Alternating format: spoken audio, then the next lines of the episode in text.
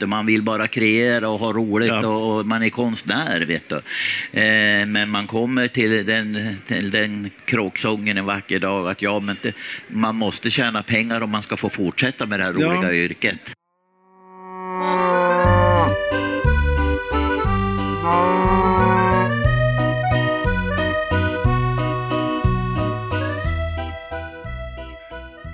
Välkommen till ännu en av livepoddarna från Ostfestivalen i mitten av februari.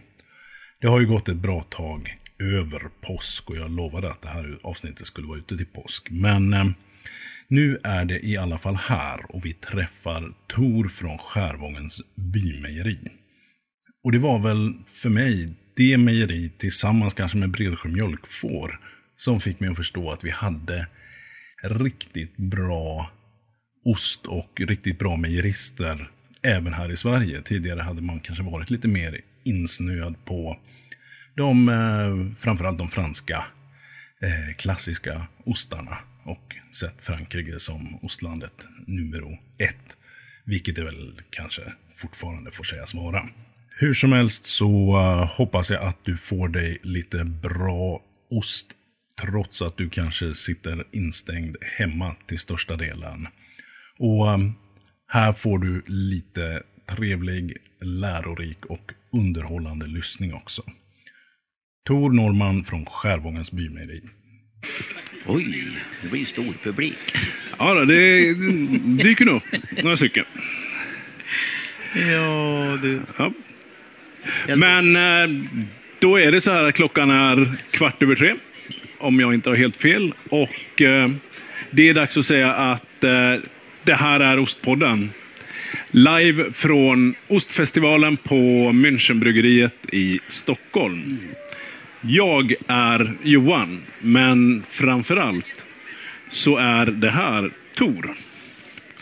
Precis.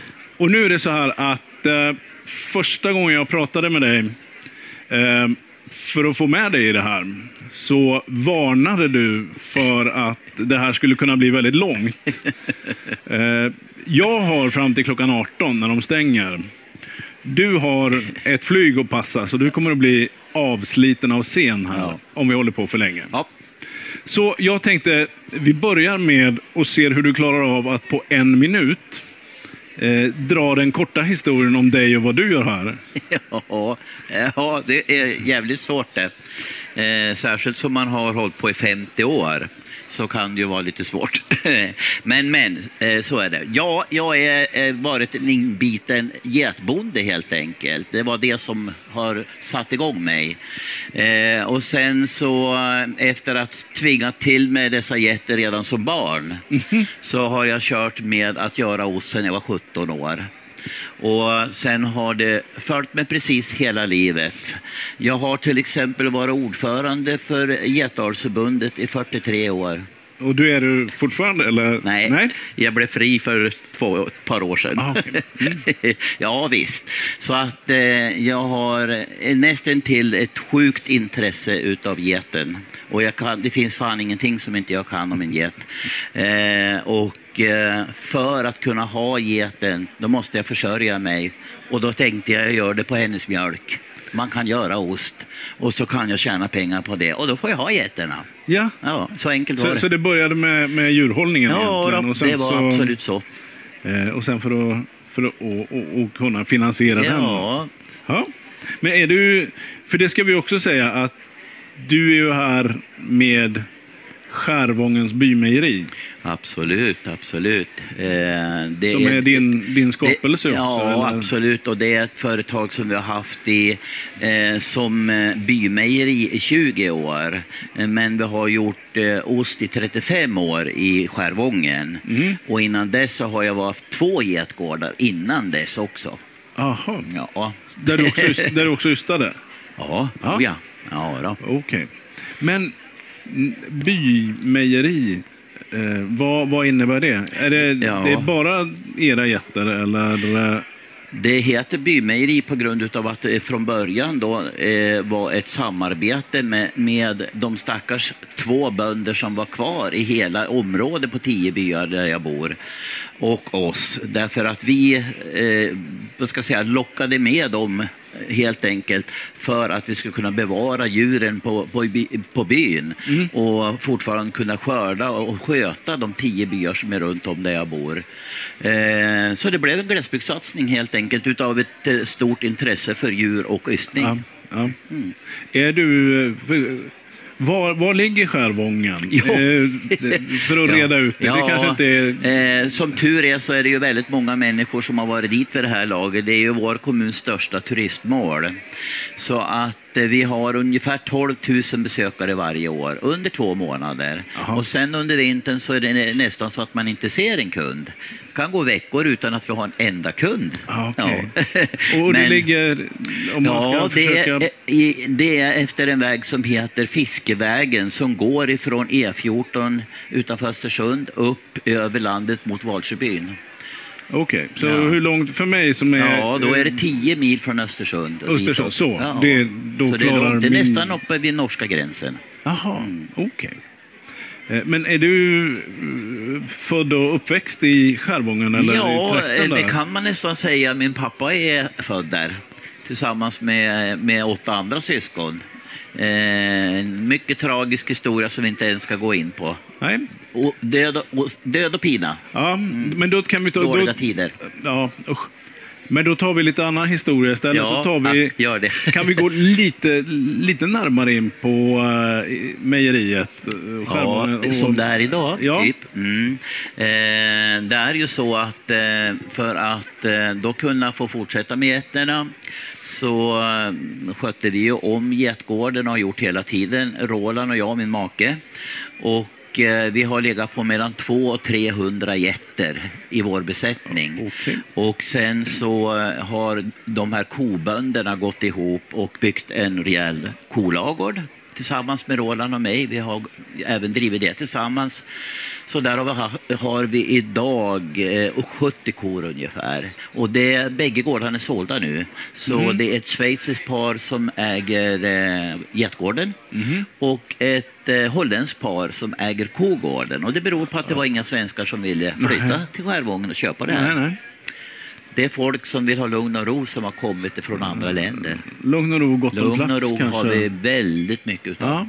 ja, det låter ju ganska behagligt får, jag, får jag säga. Eh, ja, Okej, Ja. men och, och nu har ni kommit hela vägen. Du sa att ni är ett av Sveriges största hantverksmejerier. Ja, numera. det har vi ju varit i, faktiskt hela tiden. Än idag så är vi det. Sen, vi startade ju själva bymejeriet för 20 år sedan. Och det var efter sex års evig kamp med myndigheterna om att få bygga mejeriet. För när man ska bygga någonting som ligger så långt ut i obygden, ja, då är det inte så intressant för myndigheterna. Man tror Nähä. inte på det helt enkelt. Ja, Hur ska okej. de där Mm. klara sig? Vem är det som ska köpa den där osten? Finns det någon ekonomi i det där?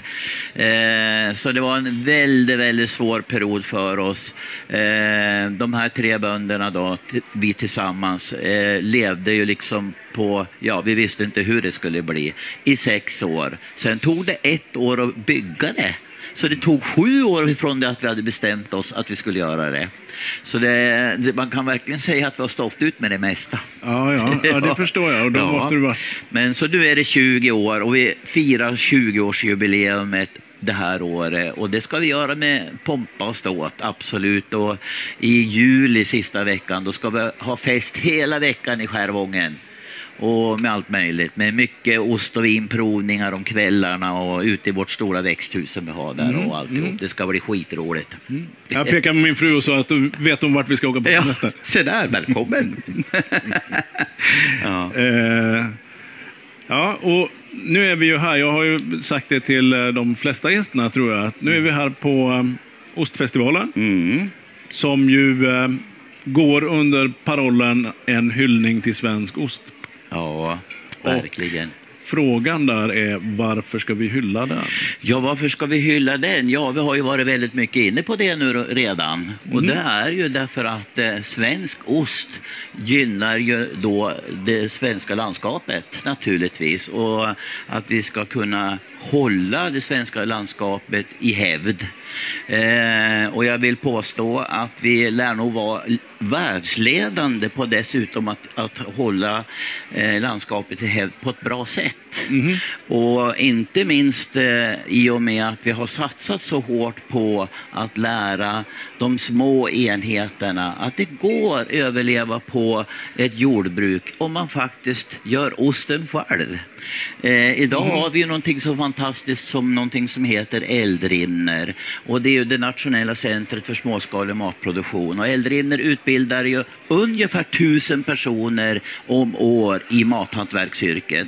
Och det är ju allt ifrån att göra bröd och öl Ja, och vad precis. som helst till att just hålla på med ost Ja. som har varit starten av alltihop. Ja, det det. Så det här med att få till ost på gårdarna, det är starten för en, starten för en hela eh, mathantverksrörelsen som har byggts upp under ungefär, ja, säg 30 år ungefär. Mm. Och det var väl nästan så att det började uppe i era trakter? I Jämtland, ja. ja. ja. Eh, och det beror helt på, enkelt på att den här kvinnan som har drivit Eldrimner eh, åt oss under alla dessa år och som har hjälpt till att skapa alltihop, det, hon heter ju Bodil Cornell. Och det är ju en exceptionellt, eh, alltså som myndighetsperson, för hon jobbar ju på Länsstyrelsen, så är hon ju helt enkelt unik. För hon kan ställa sig på golvet och vara som vilken bonde som helst och förstå vad hon säger. Och det är Mhm. inte så många som gör det på en institution eller på en, en, en myndighet.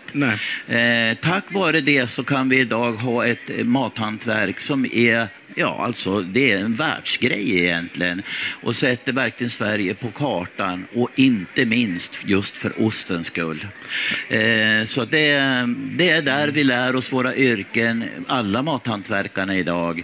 Och eh, det plockas fram de allra bästa eh, experterna inom vart och ett eh, område och just ostsidan är ju det man har jobbat med längst. Ja, ja, jag hade Sofia här tidigare Ja, precis! idag. precis. Så att, eh, Hon har ja, berättat lite, vad roligt. ja, jo, men som är branschansvarig Ja, för precis. mejeri. Då. Och själv sitter jag ju i styrgruppen och alltid Ja, gjort Fredrimner. Mm. Där också. ja. Mm. Men du, eh, eh, vad, har ni, vad har ni med er hit och vad, vad gör ni för ostar, ostar Ja, annars ja. som är värda att hylla? Eh, man kan väl säga det att eh, egentligen när vi satte igång med att börja gå de här kurserna på Eldrimner och så vidare så fick vi lära oss så otroligt mycket så vi kunde bara inte hejda oss. Utan varje gång vi har varit med Eldrimner ute i Europa på studieresor, jag har varit iväg, jag och Roland, kanske 35 gånger ungefär under de här åren.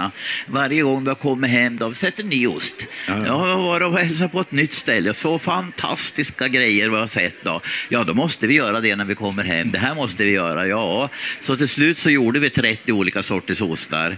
Eh, och det är klart att eh, börjar man kommer in i det här sammanhanget när det gäller försäljning och alltihop och man eh, kanske måste ha sin närmarknad i Stockholm, därför den finns inte där vi bor. Nej, nej. Eh, ja, men då kan man inte hålla på på det viset. Då måste man koncentrera sig på fem, sex Fast vi är ändå på 20 fortfarande Ja, ostar. ja. Men Mm. helst skulle det inte ha varit mer än 10. Men det är så lustfyllt att hålla på med det så man kan bara inte låta bli. Nej, nej. vi vill bara Ja, jag- kreera hela tiden. Ja. Ett Jo, men det, ja, det var ju lite, ja, för mig är ju skärgången eh, den blå osten framför allt. Ja, precis det. Och det var ju lite pinsamt när vi pratade innan nu och jag stod och sa att jag tyckte hårdostar var gott. Ja. Och eh, det visar sig att ni gör en hårdost som har eh, dessutom vunnit en hel massa grejer. Ja, det är faktiskt så. Vi har gjort eh, hårdost, riktiga hårdostar, alltså som är på en 10 kilo ungefär under 20 år i alla fall. Och och eh, mm, höll väl på att gå i KK på grund av detta till och med. Därför att det kostar så otroligt mycket att göra sådana ostar som ska ligga länge i lager. Eh, våra ostar kan ligga fyra fem år innan de går ut i handeln. Eh, det ligger miljoner i lagren till slut och det är inte så himla lyckat när man är lite liten skit eh, på denna osthimmel. Nej, men det är ju det man, man måste ha med sig och, och Ja. tänka på. För Ja, det tror jag inte man gör. verkligen. Utan man tänker att det är mjölken där som kostar. Ja, och, och precis. Inte det gäller att få och- in pengar. Det, det är bara så. Det är inget roligt med pengar. Vet Man vill bara kreera och ha roligt Ja. och, man är konstnär. Vet du. Eh, men man kommer till den, till den kråksången en vacker dag att ja, men det, man måste tjäna pengar om man ska få fortsätta med det här Ja. roliga yrket. Ja, det så. Och då är det ju naturligtvis helt makalöst att man har fått till den här ostfestivalen Mm. som varje år visar av vad de småskaliga hanterarna eller mejeristerna kan prestera och samtidigt också tillsammans med övrig eh, mejeriproduktion. Det är ju Ja, jo, men jag- otroligt. Jag tycker det är jättekul Ja. att hela bredden En finns. stor fest. Från, ja. En stor fest Ja, för men- det svenska jordbruket och eh, dess möjligheter med storskalighet och småskalighet. Ja. Och sen tänkte jag, eh, den osten du berättade om där ni blandar get och komjölk, Ja, eller? ja. Den, den, den får du faktiskt ta och berätta om, för det Ja, tyckte jag var visst. kul. Det är många som frågar om, om, vi, om vi blandar get och komjölk. Och det gör vi inte. Men däremot så blandar vi ostmassan. Eh, och då gör vi så att eh, vi har två grytor, en med getmjölk och en med komjölk. Sätter igång ystningarna samtidigt och gör ystningarna likadant. Lite grann skillnad är det, för det är inte likadant att jobba med get som komjölk. Det, det är lite skillnad på det. Men resultatet ska vara detsamma vid samma minut. Så småningom i ystningsprocessen. Ja, okej. Ja, och när man har kommit till det där slutet på de här minuterna, vet du, då samlar man ihop hela eh, styrkan på mejeriet, så får de ett durkslag var. Och sen springer vi efter varann och någon tar get och någon tar ko. Och så ner med, med kon, eller geten först, bump, dump, dump. Och så kommer de med koostmassa, bump, bump, bump. Och så kommer geten och så fortsätter vi så ända till ostformarna är fulla och då är osten randig. Vit, gul, vit, gul, vit, gul. Ja, precis. För Ja. att getmjölken är kritvit i Ja, princip. precis, Och den är är ju lite gulaktigare. Absolut. Ja. Så är det. Getmjölken innehåller inget färgat karotin, så den är kritvit och likadant med fårmjölk. Men komjölken, den, där finns det gula karotinet och därför så blir ostarna gula. Ja. Ännu mer kemi och biologi Ja, i det där. det är det. Ja, som, som så mycket med, med ystning har jag ju börjat, börjat begripa. Ja, oh ja, det handlar verkligen. Och det är ju det är också därför man kan göra så otroligt mycket varianter på ost. För att när man har förstått biologin, ja men då kan man börja jobba och, och latcha och hitta på och göra egna grejer och stå i. Ja. Och det är många som säger det att när de går på ystningskurser och sådär, kan, kan vi få ett recept utav det, säger de till läraren. Nej, nej, nej, nej, inget recept. Du får lära dig hur man gör den här typen av ost. Sen får du göra receptet själv. Ja. Därför så blir det lika många blåmaglostar som det är mejerier. Ja, ja det, det finns nog en, en eh, stor poäng Oh i det ja, också. det att- finns oändligt med, med sorter. Ja, men jag tänker att ni har ju, som jag sa tidigare, ni har ju lyckats bra med era recept uppenbarligen Ja, med tanke på Det har vi gjort. Framgångar i tävlingar också. Ja, och vi har ju haft en fantastisk eh, möjlighet i att Eldrimner har haft råd att ta in utländsk eh, expertis. För herregud, ute i Europa så finns det länder som verkligen har jobbat med ost i alla tider. Eh, vi har ju nästan glömt bort det under den här eran att vi fick bara storskalighet och där var det hårdostar som gällde. Ja. Och då försvann ju det här småplocket. Men nu är det tillbaka och just nu så har vi gjort en generationsväxling mellan Frankrike kan man säga och en kille som kommer från England fast han är nu då fransos i, i bakgrunden. Jaså, är det så? Men, Ja. eh, men eh, det har ju blivit i varje fall en liten generationsväxling och vi företagen hoppas mycket på det, att vi får nya influenser nu och, och så, för Ja. nu har gamgubben klivit av och nu kommer ungdomen in. Ja, ja. Men vad, vad, är det, vad, vad tror du det är som gör era ostar så bra och framgångsrika då? Ja, jag tror att först och främst är det en, denna lust som finns i det. Jag tänker, du är ju en person som är väldigt intresserad av ost. Jaha. Du skulle kunna bli en väldigt duktig eh, mejerist. Därför att så är det med allting man är intresserad utav. Vill man lära sig det så kan man lära det sig till minsta lilla bit. Därför att man är så jädrigt intresserad och vill så gärna göra det. Och det är det det bygger på egentligen. En människa som bara lär sig att det är si och så, si och så, men inte känner för det, ja han kan aldrig bli någon mejerist. Nej, nej. Inte nej, i varje var- fall inom det gebit vi håller på med. Möjligtvis där man trycker på, en, på som i Rätt- mycket rätt industri knappar. idag, en Ja, ja. knapp. Jo, ja, men det är ju en annan sak ja, såklart. ja. Ehm, men vad, vad, vi var inne lite på det, att det finns lika många ostar som, eh, eller sorters ost som eh, mejerier och så vidare. Mm. Vad, sen, ni har ju varit i branschen ett tag, Ja, onekligen. ja. Vad ser du har, har hänt och håller på att hända runt omkring, så att säga? Om man Ja. ser, lyfter blicken från er. Ja, det som jag framförallt eh, ser och som jag är så otroligt glad över, det är ju att det arbete som vi utför då, vi som, vad ska jag säga, först och främst är lite föregångare, men vi, många av oss inom allt mathantverk jobbar ju nära Eldrimner eh, och får på det viset den här kontakten som gör att Eldrimner också ordnar om så människor får lära sig det de vill ha och inte det som finns utan det de vill ha verkligen. Och det gör att man kan utveckla den här näringen inom allt mathantverk och ostsidan naturligtvis. Eh, Speciellt väl syns det ju där att det poppar upp nya företag, nya produkter, nya idéer, you name it. Och idag ser jag också att vi är accepterade av den storskaliga näringen. Vi har blivit ett alternativ till den storskaliga rörelsen. Ja. Eh, som i sin tur gör att eh, glesbygd, jordbruksmark och så vidare kan stå i hävd. Vi, vi fortsätter att jobba med det svenska landskapet och det är så många, många, många plan som man får till någonting som är jättebra för, för hela riket faktiskt.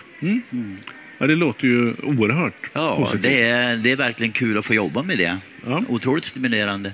Men sen så vet jag en grej också som ni... Ni har kört eh, språkutbildning i mejeriet? Ja, eller hur var det? ja. Jag vill gärna att du drar Det är ju den. så. Det är naturligtvis så att eh, det här att eh, Roland och jag bor i den här bygden, vi har ju lika bra kunnat bosatt oss utanför Stockholm och haft en fantastisk eh, rullians eh, på det vi, vi håller på med. Men vi valde att bosätta oss i yttersta glesbygd, ända upp på fjällkanten. Och sen då så småningom så upptäcker vi hur otroligt stort behov det finns utav att människor engagerar sig, försöker få igång verksamheter och så vidare för att inte våra glesbygdsbyar ska dö ut helt enkelt. Och det är väl det som, som eh, på något vis har blivit vår grej. Att vi, att vi har förstått det och att vi kan arbeta efter det och vi kan planera så att det ska funka och så vidare. Och så vidare. Och ja, det, jag må ju säga det att eh, genom åren så, så har det ena gett det andra och det bara flyter på. Och så får man plocka det man känner är Mm, det här var bra. Till exempel det faktum att vi är idag kommunens största turistmål. Ja. Det, det är ju helt otroligt. Vi, det är det, det område som ligger längst bort ifrån kärnan i kommunen och ändå är det vi som är störst när det gäller turismen. Eh, och det har vi varit i alla år. Ända sedan det startade för 20 år sedan så har vi varit det, det turistmål som är störst. Fast vi har skidanläggningar och hela druttan Ja, ja, ja. kring oss. Eh, och det visar ju också på att människan för övrigt i Sverige, när de kommer på sina semestrar och så, ja men då fan, vi åker tio mil extra till det här området för att titta på mejeriet och den här företeelsen. Och det har ju hela tiden gett oss råg i ryggen att vi gör det som är rätt, vi fortsätter. Och när vi kom då till den här tiden att eh, Sverige började måste hjälpa till att ta emot invandrare för allt fruktansvärt som händer ute i världen. Eh, och eh, vi har ju verkligen i moderna tider så får vi ju följa allting på tv så vi tror ju nästan att vi är det själv till Ja, slut. ja. Det väcker ju otroligt starka känslor, speciellt hos människor som har ett en social patos och bryr sig om människor. Så Roland och jag, vi köpte pensionärslägenheterna i byn. Ingen jävel vill- ville bo, bo där. Nej, nej. De äldre de flyttade ifrån byn. De vill ha eh, nära till doktorn Ja. och affären och det. Och eh, därför stod de tom. Så vi köpte alla lägenheterna och rustade upp dem och så tänkte vi hyra ut dem, men det gick inte för det var ingen som ville bo där helt enkelt. Nej. Det var inte bara pensionärerna som... Nej, precis. Vi fick inte en enda hyresgäst, utan vi bodde där själv i, i en lägenhet. Men i alla fall så kommer ju denna in, våg av invandrare. Vad skulle vi göra av dem? Och Migrationsverket skickade ut signaler hela tiden. Hjälp oss, hjälp oss, hjälp oss. Så jag ringde helt enkelt dit och sa att här har vi lägenheter. Vi kan ta emot 16 pers. Ja. Och det sa de ja till på en gång. Så några dagar senare så hade vi 16 invandrare i lägenheterna. Från Eritrea, från eh, Syrien, eh, iranier och så vidare. Olika albaner, allt möjligt kom det. Eh, fantastiskt trevliga människor. De flesta unga män, men också någon enstaka barnfamilj faktiskt. Ja, det var ju inte lätt för dem att komma till Skärvången. Det kan man ju förstå. Men de hade det väl tusen gånger bättre än där de kom ifrån i alla fall. Eh, så med åren så börjar ju de här invandrarna ändå kunna så pass mycket svenska att vi umgicks mycket och många börjar fråga efter jobb. Ja, Ja, har du nu jobb? Kan vi få jobba? Ja, de har ju ingenting att göra helt enkelt. Eh, så då bestämde vi oss för att ja, men vi provar och se om vi klarar av det här. Så vi tog in en kille och han fick börja och, och, tillsammans med en av tjejerna som har jobbat länge och följa henne och lära sig i varje fall yrket så långt bort som till att packa ost och sånt där. Det är ju enkelt. Eh, och sen så, ja det gick ju bra och sen så tog vi in en efter en efter en. Till slut hade vi fem eh, invandrare som jobbade med olika saker, men framför allt med ostvård och så vidare. Det där med att göra osten och så, det, det, det var ju svårt naturligtvis. Men med åren då när de har lärt sig mycket svenska och alltihop så har jag lovat dem att eh, de ska få gå att lära sig verkligen hur man gör ost. Med tanke på att vi hoppas helt enkelt att de ska bli kvar i Skärvången, bilda familj och så vidare. Eh, och eh, ja, det vore ju fantastiskt om man kunde få till det. Så då så eh, har jag varit i kontakt då hela tiden med Arbetsförmedlingen och påtalat det här. Det är tio mil bort till skolan för dem. De hinner gå en till två timmar per dag i skolan för bussen tar resten av tiden. Ja, det är klart. Ja, Mm. det, är inte, det är inte vettigt. Skicka hit en lärare för tusan, ja, istället. Ja. Och då helt plötsligt så ringer en kvinna då på Arbetsförmedlingen som har mycket att göra med och säger men nu har vi chansen. Nu ska det bli yrkessvenska Aha. och ni har chans att, att kunna få till er det. Så vi ansökte om det och blir Sveriges första företag att ta emot invandrare i yrkessvenska. Så då kommer läraren till oss, de får sitta i restaurangen en hel dag varje torsdag, lära sig alla, eh, allt som man använder av ord i den här typen av produktion. Det är jättemånga olika ord som är svåra och man fattar ingenting vad det är för någonting. Nej, vad är nej. pastörisering? Ja, vad är det? Man har aldrig hört det ordet förut och så vidare. Eh, sen har det tagit lite tid att få till det för de blir klar med själva svenskan. Men eh, däremot har man inte fått till själva utbildningen än som de ska gå på Eldrimner. De ska gå precis samma utbildningar som jag själv har gjort. Jaha. Och de är i sex steg. Från know-how i första steget till fullt ut garvade ystare på slutet. Eh, så det är tanken. Och nu har LRF då som har fått en ganska bra eh, mängd pengar för att få in invandrare i jordbrukssektorn helt enkelt och produktionen därpå. Så nu blir vi, om vi har lite tur nu då, så blir vi även första företaget som får åtnjuta den delen av det hela. Ja, vad roligt. Ja, Ja. så nu är det det vi väntar och man har redan förberett för de här invandrarna att få komma på Eldrimner nu och börja planera för deras utbildning helt enkelt. Så nu är det frågan om dagar. Ja, ja. Så är allihop i Eldrimners famn och Ja. får lära sig yrket. Och sen har de yrket hela livet framöver i Skärvången. Ja. ja, det är ju en helt fantastisk historia tycker jag. Ja. Och, äh, eh, Det ska bli otroligt Ja. kul och du förstår ju hur otroligt stimulerande det är för oss och det betyder så otroligt mycket för oss rent personligt. ja. ja, det är underbart. Ja. Jag tror att eh, vi ska börja runda av lite Ja. grann nu. Mm. Eh, är det någonting man inte ska missa här på festivalen, tycker du? ja, det tycker jag faktiskt att det man ska göra här på Ostfestivalen det är verkligen att ta vara på den otroliga givmildhet som utställarna har här. Eh, Det är små och stora företag. Det är klart, är det jättestora företag så kanske det inte kostar så hemskt mycket att folk stoppar i sig. Det är mer dyrt naturligtvis för de små tillverkarna. Ja. Men jag ser ju det, de är ju så otroligt duktiga på att bjuda det de har.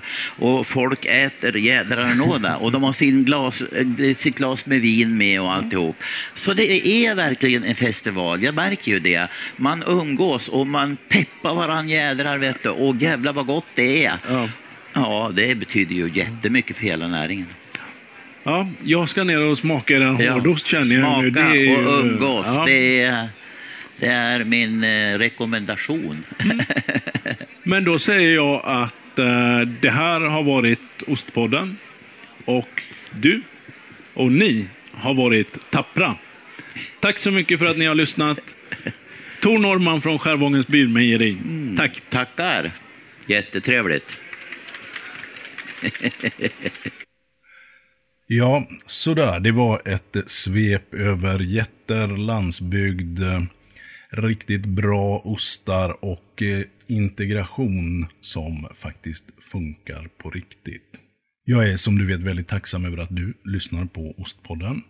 Jag blir eh, jätteglad om du tipsar vidare till någon du tycker behöver lite mer ostgeekerier i sitt liv. Och om du inte redan gör det, följ Ostpodden på Facebook och Instagram. För där händer det ju lite saker mellan varven när jag inte lyckas få ut avsnitten så som jag har lovat. Och för att inte lova för mycket den här gången så nöjer jag mig med att säga att vi hörs snart igen. Och till dess får jag säga tack så mycket för att du har lyssnat.